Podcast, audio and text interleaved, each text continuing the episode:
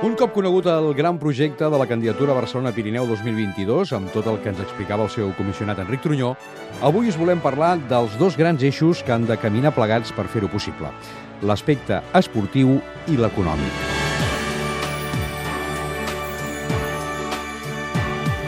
És obvi que a Catalunya els esports d'hivern no tenen ni el potencial ni la tradició d'altres països i que esportivament no hi ha hagut grans resultats que puguin ser recordats. Una de les grans preocupacions d'aquesta candidatura és potenciar, promocionar i donar continuïtat a tots els esports que es deriven de la neu i el gel.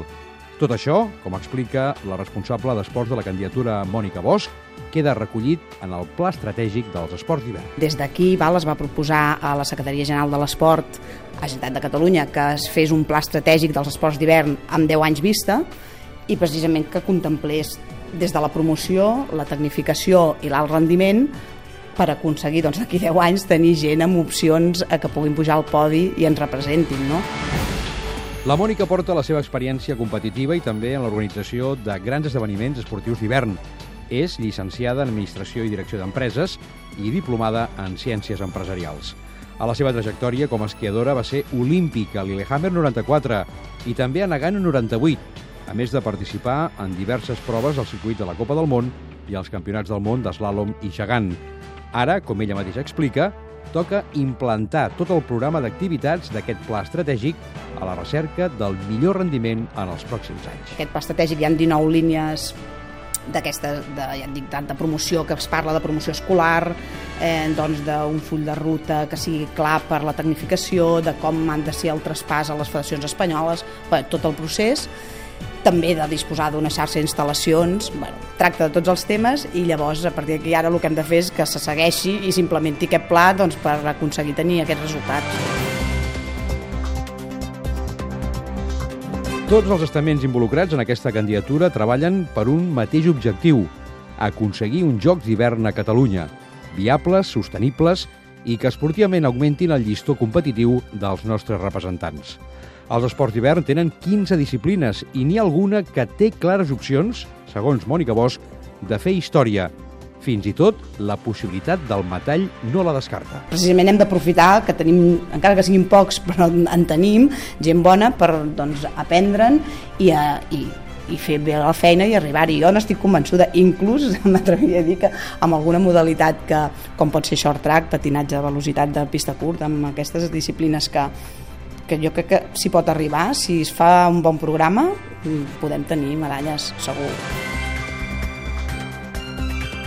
Totes aquestes actuacions requereixen d'una sòlida aposta econòmica que pugui finançar el projecte primer i que en permeti la viabilitat amb els ingressos que se'n derivin després, tant de l'empresa pública com de la privada. L'encarregat de fer encaixar els números de la candidatura catalana és l'Òscar Grau, exjugador d'handbol del Barça, en l'actualitat és llicenciat en Ciències Empresarials per ESADE i màster en Direcció d'Empreses. A més, té una gran experiència com a gerent d'entitats esportives com la Federació Catalana d'Handbol i la catalana de vela. Ara en aquesta fase de treball intern què no hi ha una comunicació doncs està liderat doncs, pel finançament públic de totes les administracions i el que es pot complementar amb finançament privat. Però a partir del 2014 s'inverteix aquesta tendència i pràcticament un 70% del pressupost eh, preveiem que estigui finançat per l'empresariat, que és el que ha de liderar doncs, aquesta promoció de la candidatura, el posar Barcelona i Pirineus en, en el mapa i lògicament és on han de sumar com va passar pues, al 92 pues, amb tot l'equip liderat per Repoldo Rodés, Ferrer Salat i que anaven doncs, per tot el món eh, explicant eh, la proposta de la candidatura. Com ja va passar amb els Jocs de Barcelona l'any 92, la injecció econòmica privada és fonamental perquè la candidatura pugui créixer. Després d'una primera etapa amb diners públics que han servit per posar-ho tot en marxa, la segona part del projecte ha de marcar el pla d'actuació dels pròxims anys i la pregunta del millor per l'expert.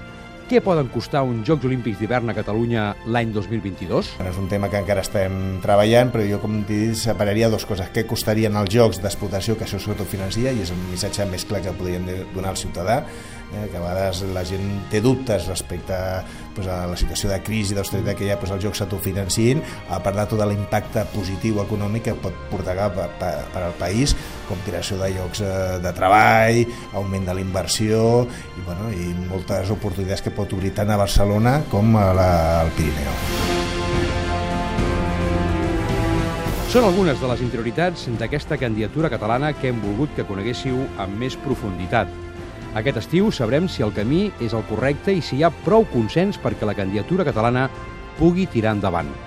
Si tot va com s'espera, el tren olímpic d'aquest Jocs d'hivern continuarà cobrint les estacions de pas fins a intentar arribar al seu destí, portar la capital de Catalunya i el Pirineu Oriental uns Jocs Olímpics 30 anys després.